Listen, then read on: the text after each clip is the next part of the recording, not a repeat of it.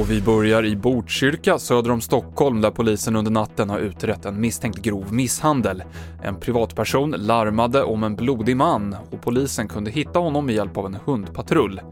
Mannen, som är i 30-årsåldern, var vaken och talbar och fördes till sjukhus. Det är fortsatt få svenskar som reser till Danmark, rapporterar Sydsvenskan. Trots att personer som bor i Skåne, Blekinge och Kronoberg nu är välkomna i Danmark sedan en tid tillbaka, så är trafiken 45% lägre än förra året på Öresundsbron och även färjorna till Helsingör har klart färre passagerare än vanligt. Och vaktstyrkan vid borgen Towern i London måste minskas för första gången sedan den inrättades 1485 på grund av sviktande ekonomi under coronapandemin.